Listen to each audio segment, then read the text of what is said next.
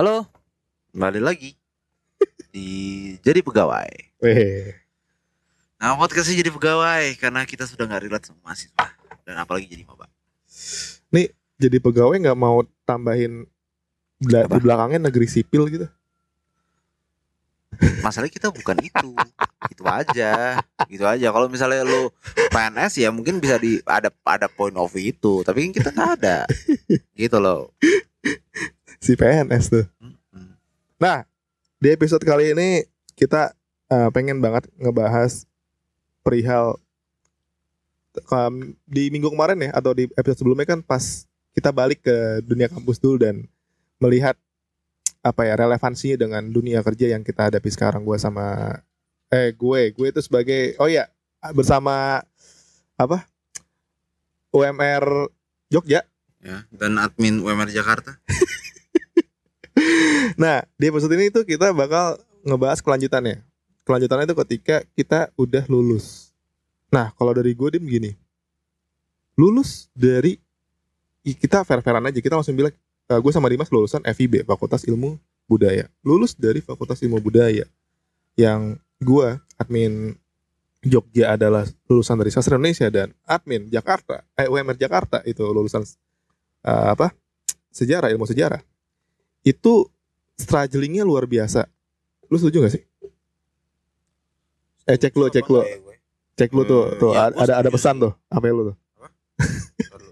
ya gue setuju sih. Setuju dalam arti gini. eh kalau lo buka LinkedIn terus lo cari eh kerjaan yang membutuhkan lulusan sejarah, gue jamin nggak ada. Atau ada. lulusan lulusan yang membutuhkan sastra Indonesia mungkin nggak ada. Iya. Gitu ya. Bukan nggak ada, sangat dikit mungkin.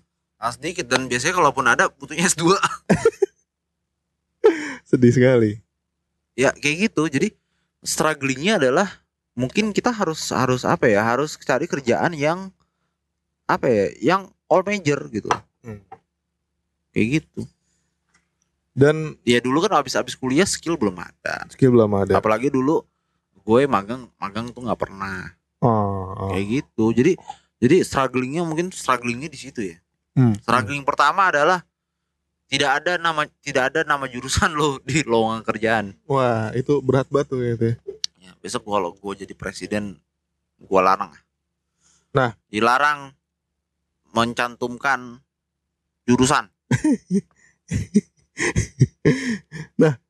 Em, ketika kita habis lulus, mungkin jarang banget ya ada orang yang langsung dapat kerja. Kalaupun dapat, ya tuh alhamdulillah sekali gitu ya.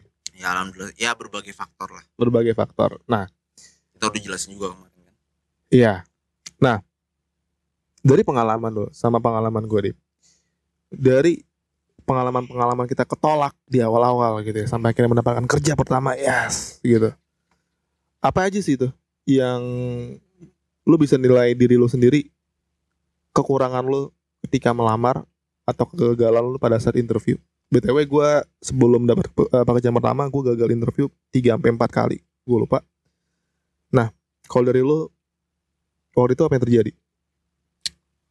Gue sebelum kerjaan yang ini, gue nggak pernah interview. Gak pernah interview. Kerjaan gue tidak ada tidak ada yang gue dapat dari interview. Weh. Ya karena karena kerjaan gue kebetulan alhamdulillahnya adalah pekerjaan-pekerjaan yang eh, ditawarin sebenarnya. Hmm, tawarin. Jadi kalau misalnya eh tapi kalau misalnya ditolak interview, gue pernah sih. Gue ditolak interview, tapi gue merasa kayak ini mah kerjaan ini mah nggak bakal dapet juga interview tuh kayak kayak ya udah cuman cuman kayak kayak apa kayak penggembira aja kayak gue udah pasti nggak dapet gitu cuma interview tuh kayak Nah, ya tar dulu, tar dulu. Kenapa lu mikir nggak nggak bakal dapet? karena gue tahu eh, kantor ini sebenarnya udah punya kandidat Hmm. gue tuh kayak kayak cuman sekedar apa ya sekedar ya udah ya biar ada interview yang interview aja lah Hmm. hmm. Oke. perlu gue spill nggak nih kantor Demen banget lu spill the tea. Aduh, ketularan siapa sih? nah, dulu Kalau- kita dulu kita itu ya apa eh, menghindari menyebut nama kampus sekarang kita menghindari menyebut nama kantor ya jangan dong jangan di blacklist gitu ya. jangan Jangan. Ya kalau di blacklist juga di blacklist sama kantor itu juga nggak apa-apa sih gue di blacklist sama HR seluruh Indonesia berat pak Ya nanti minta tolong Eza Azamil. Iya. nah, nah, kalau misalnya kita melihat studi kasus di lapangan yang terjadi adalah bahkan tadi eh, ada yang nge-DM gue lewat sosial media di kantor. Sosial media kantor ya. Itu eh, percuma Kak lewat email karena nggak bakal ada jawaban. Sebenarnya apa yang terjadi dari pengiriman CV dan segala macam hal yang lu ketahui kenapa orang ah kenapa ya gue tuh gagal mulu gitu jangankan di interview dah gue da, gue dapat balasan emailnya itu jarang gitu ini kan ini kan studi kasus yang banyak yang ngerasain gitu Makanya lu ngelamar kantor gue. kantor gue setiap email dibaca. Wih, customer support is number Karena, one. kan- karena yang email dikit. ya kalau sekarang gini, gua gua gua merasa maklum ya. Dalam arti gini, kalau lo yang email seribu Hmm. dan lo belum ada kayak aplikasi yang bisa jawab email otomatis, Hmm. lo bakal jawabin nggak? Capek. Capek kan? Hmm. Jadi kalau yang jawabin masih manusia, Hmm. ya pasti ada batas. Oke. Itu satu. Oke. Tapi kalau misalnya lo mau berprasangka buruk bahwa wah kalau email mah nggak bakal nggak bakal dijawab, ya nggak apa-apa juga gitu ya. Kalau pengalaman lo memang kayak gitu. Iya, iya, iya. Tapi menurut gue kalau misalnya gue nggak tahu ya, CV gue tuh berantakan dip. Asli. Tapi ada kantor yang menerima gue. Nah, tadi dulu. Lu referensi lu dari eh, dari YouTube apa lu ini sendiri? Nggak gue eh eh, pokoknya gue search eh si template CV terus di Google terus yang pertama yang yang urutan atas gue klik udah gue contoh. Oke. gue merasa gini CV lo berantakan Hmm. akan ada kantor yang menerima lo Serius. serius Masa sih?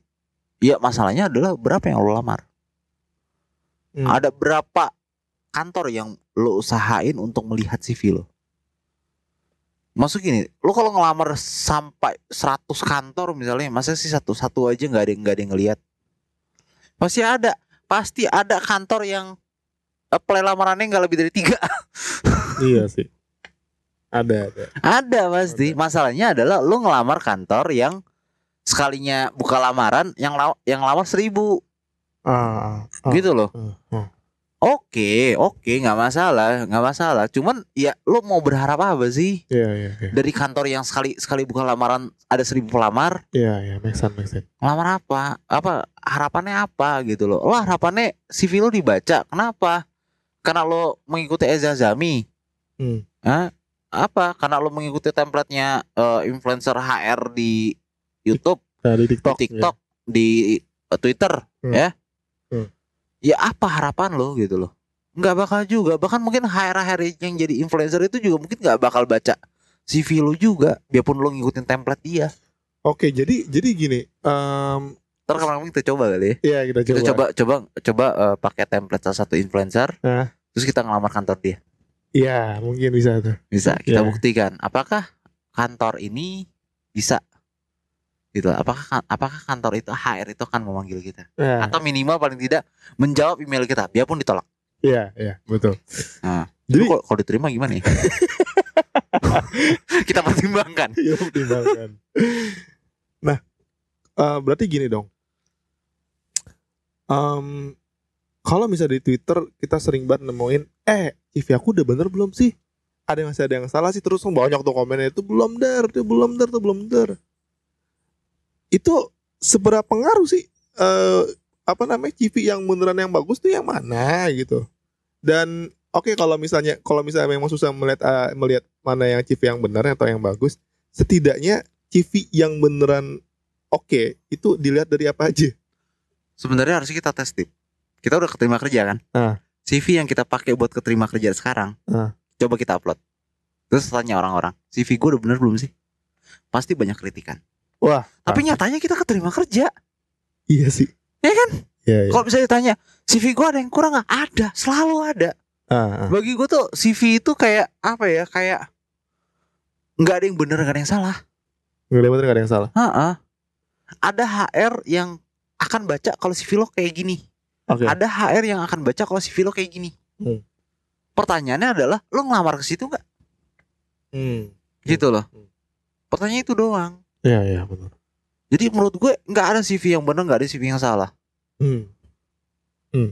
CV lo masih salah kalau lo belum keterima kerja udah kalau CV kalau lo keterima kerja CV lo benar udah gitu doang Hmm. Ya ya, ya benar. kayak gitu jadi menurut gue ini menurut gue ya Iya. bikin CV memang tricky tapi jangan merasa bahwa eh lo nggak keterima kerja karena CV Hmm. Jangan ya, oke jangan keterima kerja karena CV. jangan merasa nggak keterima kerja karena CV Oke, itu.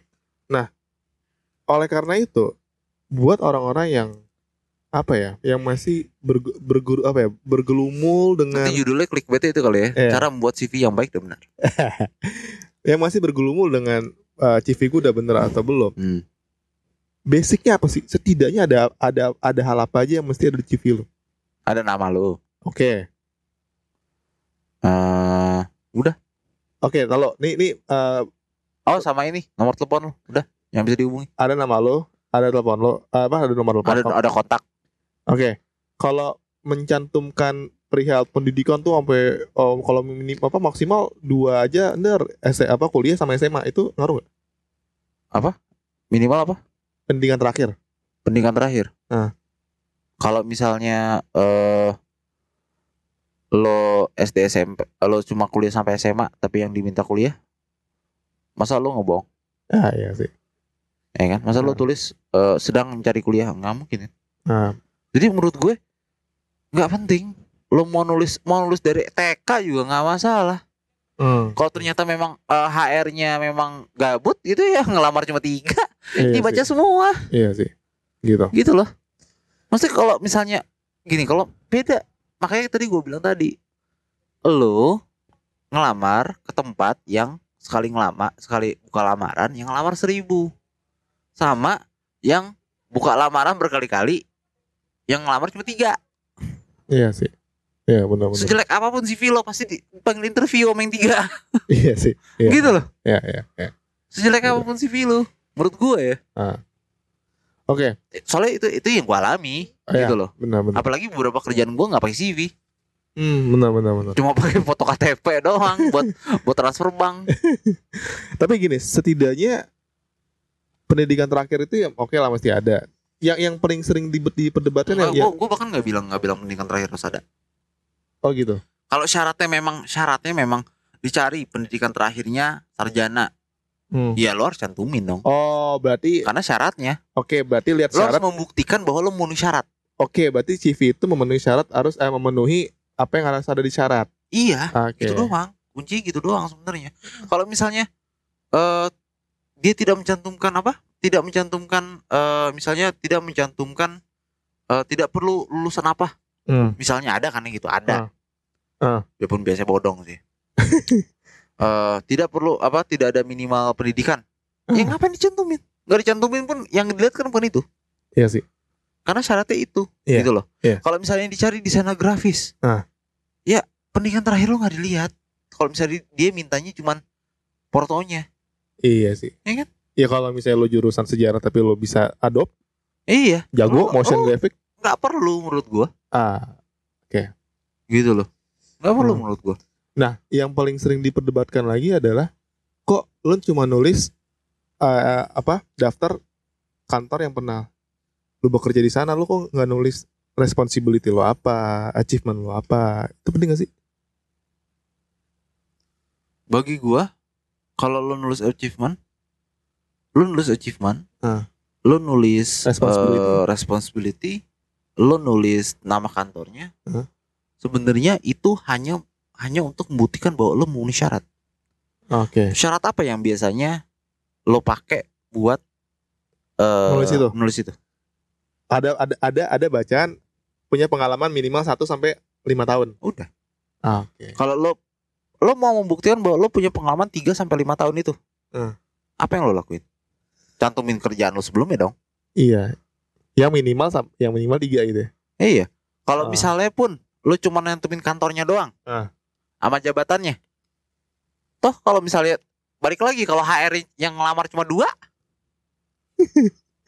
ya lo tuh pengen interview pas di interview baru lo tanya dulu ngapain aja achievement apa aja baru Iya. ntar cocok-cocokan gitu jadi Hmm. menurut gua tergantung syarat dari yang lo lamar Hmm. jadi lo nggak bisa gua menurut gua ya menurut gua lo su- eh, jangan eh, kurang bijak lah kalau misalnya eh, lo tuh ngeblas email gitu ya dengan template yang sama tuh jangan sih tapi lo lihat syarat-syaratnya Oke. Oh iya. dan dan dan CV lo menyesuaikan syarat-syarat itu Oke. CV menyesuaikan syarat dan jangan lupa kasih body email. Karena itu bagian dari attitude nggak sih? ya ada yang bilang attitude ada yang nggak peduli gua nggak peduli Oh serius loh. serius Hmm. serius gua Tapi- peduli Andai kan andai kan lo jadi HR. Gua, eh, pertanyaan gue gini. Hal apa yang lo screening satu CV misalnya atau seribu Ah. CV. Ah. Hal apa aja yang bikin gua lo langsung ah skip skip skip apa aja pertama inget nggak kantor kita? Ah. Pengen ah ini, orang. ini, ini, ini menarik nih ini cerita Ya. menarik Inter dulu hire kita Ah. atau bos kita dulu Ah. pengen interview orang, Ah. cuma gara-gara dia nulis di emailnya, Ah. "There my future HR." wah gila sih itu itu, itu langsung bikin impresi Dan, yang dan lo asal tahu, bos gua nggak ngeliat CV-nya. dia cuman, wah ini lucu deh interview ih gila sih iya sih kayak gitu. Hmm, hmm, hmm. Bahkan gini lah, kayak lo nggak tahu lo apa ya, yang HR itu manusia bukan robot Hmm, iya betul gitu loh. betul. HR itu manusia bukan robot. Hmm. Lo nggak bakal nggak bakal tahu seajaib apa mereka. Iya.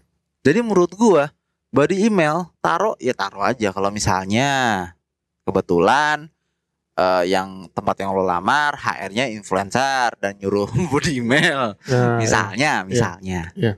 Gitu. Ya kalau body email masalah etika apa enggak? Gua rasa itu debatable ya. iya Ada yang gua gue sih bilangnya bukan masalah etika. Oh. Tapi kayak itu mempermudah eh, HR screening CV lo. Tapi balik lagi HR yang cuma isi uh, apply-nya cuma tiga biji iya sih betul. gitu. Jadi kalau menurut gua kalau misalnya tapi kan apply tiga biji berarti kantornya jelek. Ya emang kantor jelek mana apa? Kan yang penting gajinya berapa? ya enggak? Ya kalau gua ya, kalau gua kayak Iya, gitu. iya, iya. Kalau kalau ya teman-teman yang lain beda ya nggak apa-apa. nah iya nih lu setuju apa Gue senang banget nih kalau tiba-tiba ada ada ada podcast HR yang tiba-tiba nyindir-nyindir kita nih. nah lu lu eh, setuju apa enggak nih pak pertama Tapi gini gini, Ah. gue gue mau sebelum itu ya, sebelum itu mungkin mungkin nanti jawabannya enggak itu kan. Gue mau bilang gini, semua tips dari HR itu bukan buat membantu membantu yang lamar. Tapi? itu hanya ngeban buat ngebantu HR-nya.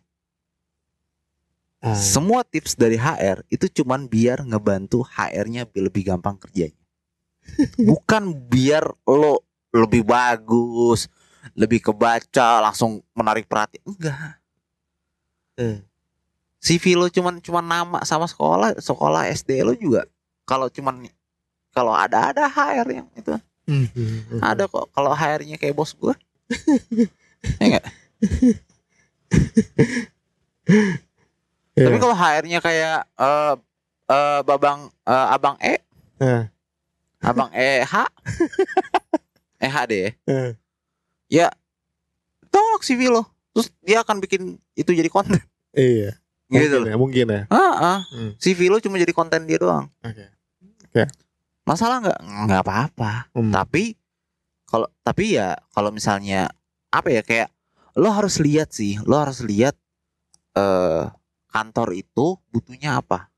oke Kalau misalnya kantor itu nggak nggak mensyaratkan tulis body email segala macam nggak detail itu ya udah nggak usah. Kalau misalnya memang lo lupa tulis Oke. body email nggak apa-apa. Tapi kayaknya jarang deh Pak ada ada lowongan yang mengharuskan lu tulis body email paling kan send CV. Body email tuh ini loh Ya, bagian dari gini. bagian dari normatif Nggak, gitu dulu. Berarti gini. Berarti body email bukan masalah etika. Itu masalah sentimen sentimen HR-nya. Sentimen pribadi. Sentimen pribadi HR-nya dong. Ah, Ini enggak. iya sih. Kalau misalnya HR-nya memang pengen pengennya ada body email untuk mudah kerja, tulis dong syaratnya. Ya udah andai lu HR deh. Hmm. Gue gua gua gua ngelamar ke lu. Gua Ya. nggak pakai body email. Terima nggak gua? Maksudnya Terima. la- lanjut nggak? Keterima. Lanjut. Asalkan Kalau CV lo bagus. Kalau CV lo memenuhi syarat yang gue tulis. Oke. Terus yang kedua ini selanjutnya gini, ada ada ada yang yang bilang gue udah red flag banget kalau misalnya ada Nggak, yang? Kalau misalnya nih HR melewatkan CV yang bagus, yang keren, cuma karena nggak nggak ada body email, siapa yang rugi? di perusahaan. Ya udah. ya, bapak-bapak HR, ibu-ibu HR. Siapa yang rugi? Kalau lu cuman kayak, ih nggak ada body email, gue nggak mau terima, gue nggak mau baca. Tapi ternyata dia bagus, karena skillnya memang bagus.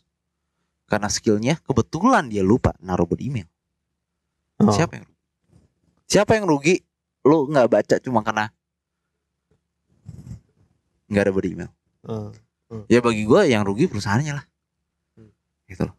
Tapi kalau misalnya emang ada anggapan ya nggak gitu, body email tuh adalah ha- hal yang hal yang apa? Hal yang saklek yang Hah? menunjukkan lu itu punya attitude dalam menulis atau enggak? Nah, Pernah tuh gue dengar masalahnya gitu. pertamanya gini.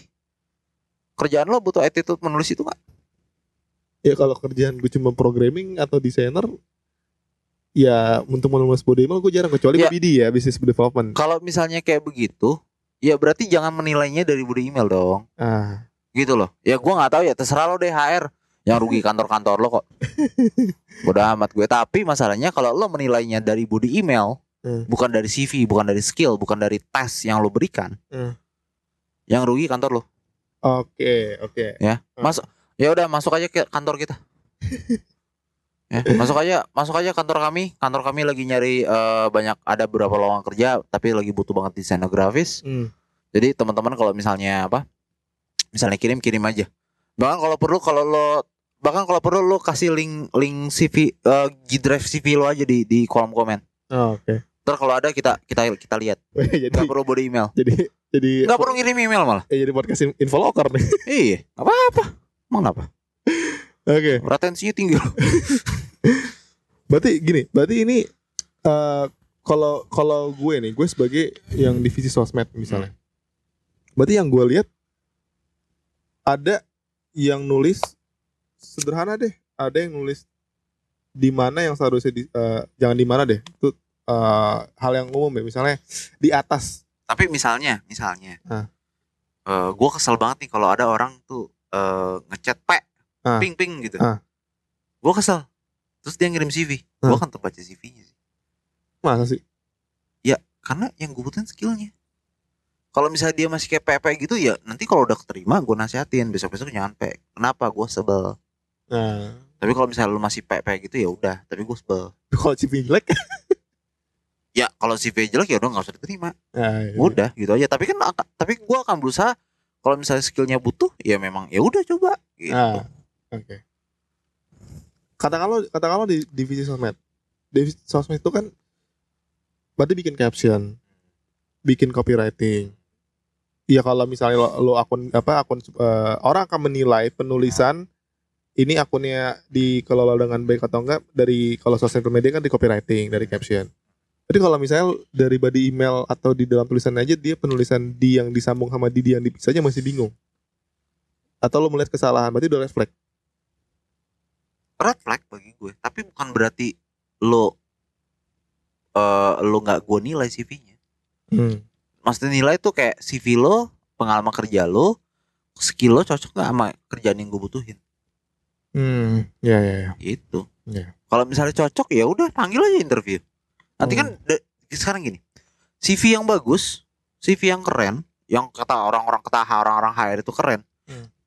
itu bisa dimanipulasi Lo Maksudnya? bisa bikin CV lo bagus banget pakai body email dengan wah dengan terima kasih salam hormat gitu ya.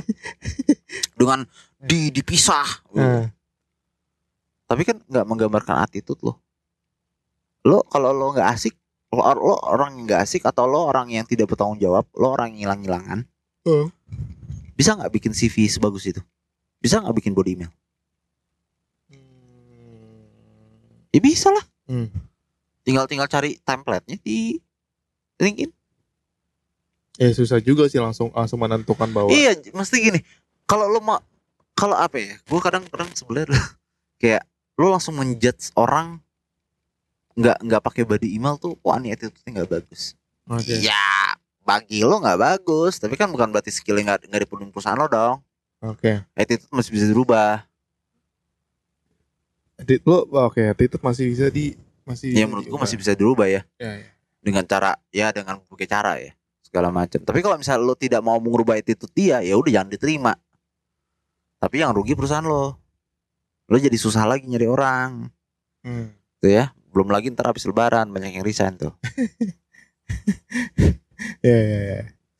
Jadi kalau misalnya dari lo dari divisi sosmed yang yang misalnya yang dibutuhkan apa nih ya? Oh dibutuhkan gue memang butuh tenaga untuk bikin konten dan bi- bikin Hmm. ide. Berarti yang yang akan lo lihat pertama kali adalah portofolionya. ya nanti nanti mungkin kita coba-coba tes kali ya Ah. Eh, kita ngirim-ngirim CV gitu kan ngirim CV bener nggak sih di email penting coba Ah. kita kirim CV cepet dipanggil nggak ya kalau kantor gue kayaknya sih cepet dipanggil ya Iya nggak sih kalau kantor kita Iya nggak sih Ya. tetap dipanggil orang orang banyak banyak orang banyak kok yang yang nggak pakai body email orang nggak ngirim email orang ngirim lewat WA Hmm. Mungkin gini, gini, mungkin gue nggak tahu nih. ah, tapi mungkin ada yang nanya. bahkan gue sering gini kayak eh kirim CV lo nih ke mana ke email kantor Ah. terus dia pakai body email gue kesel ya gue cuma pengen tahu CV lo anjing Iya sih.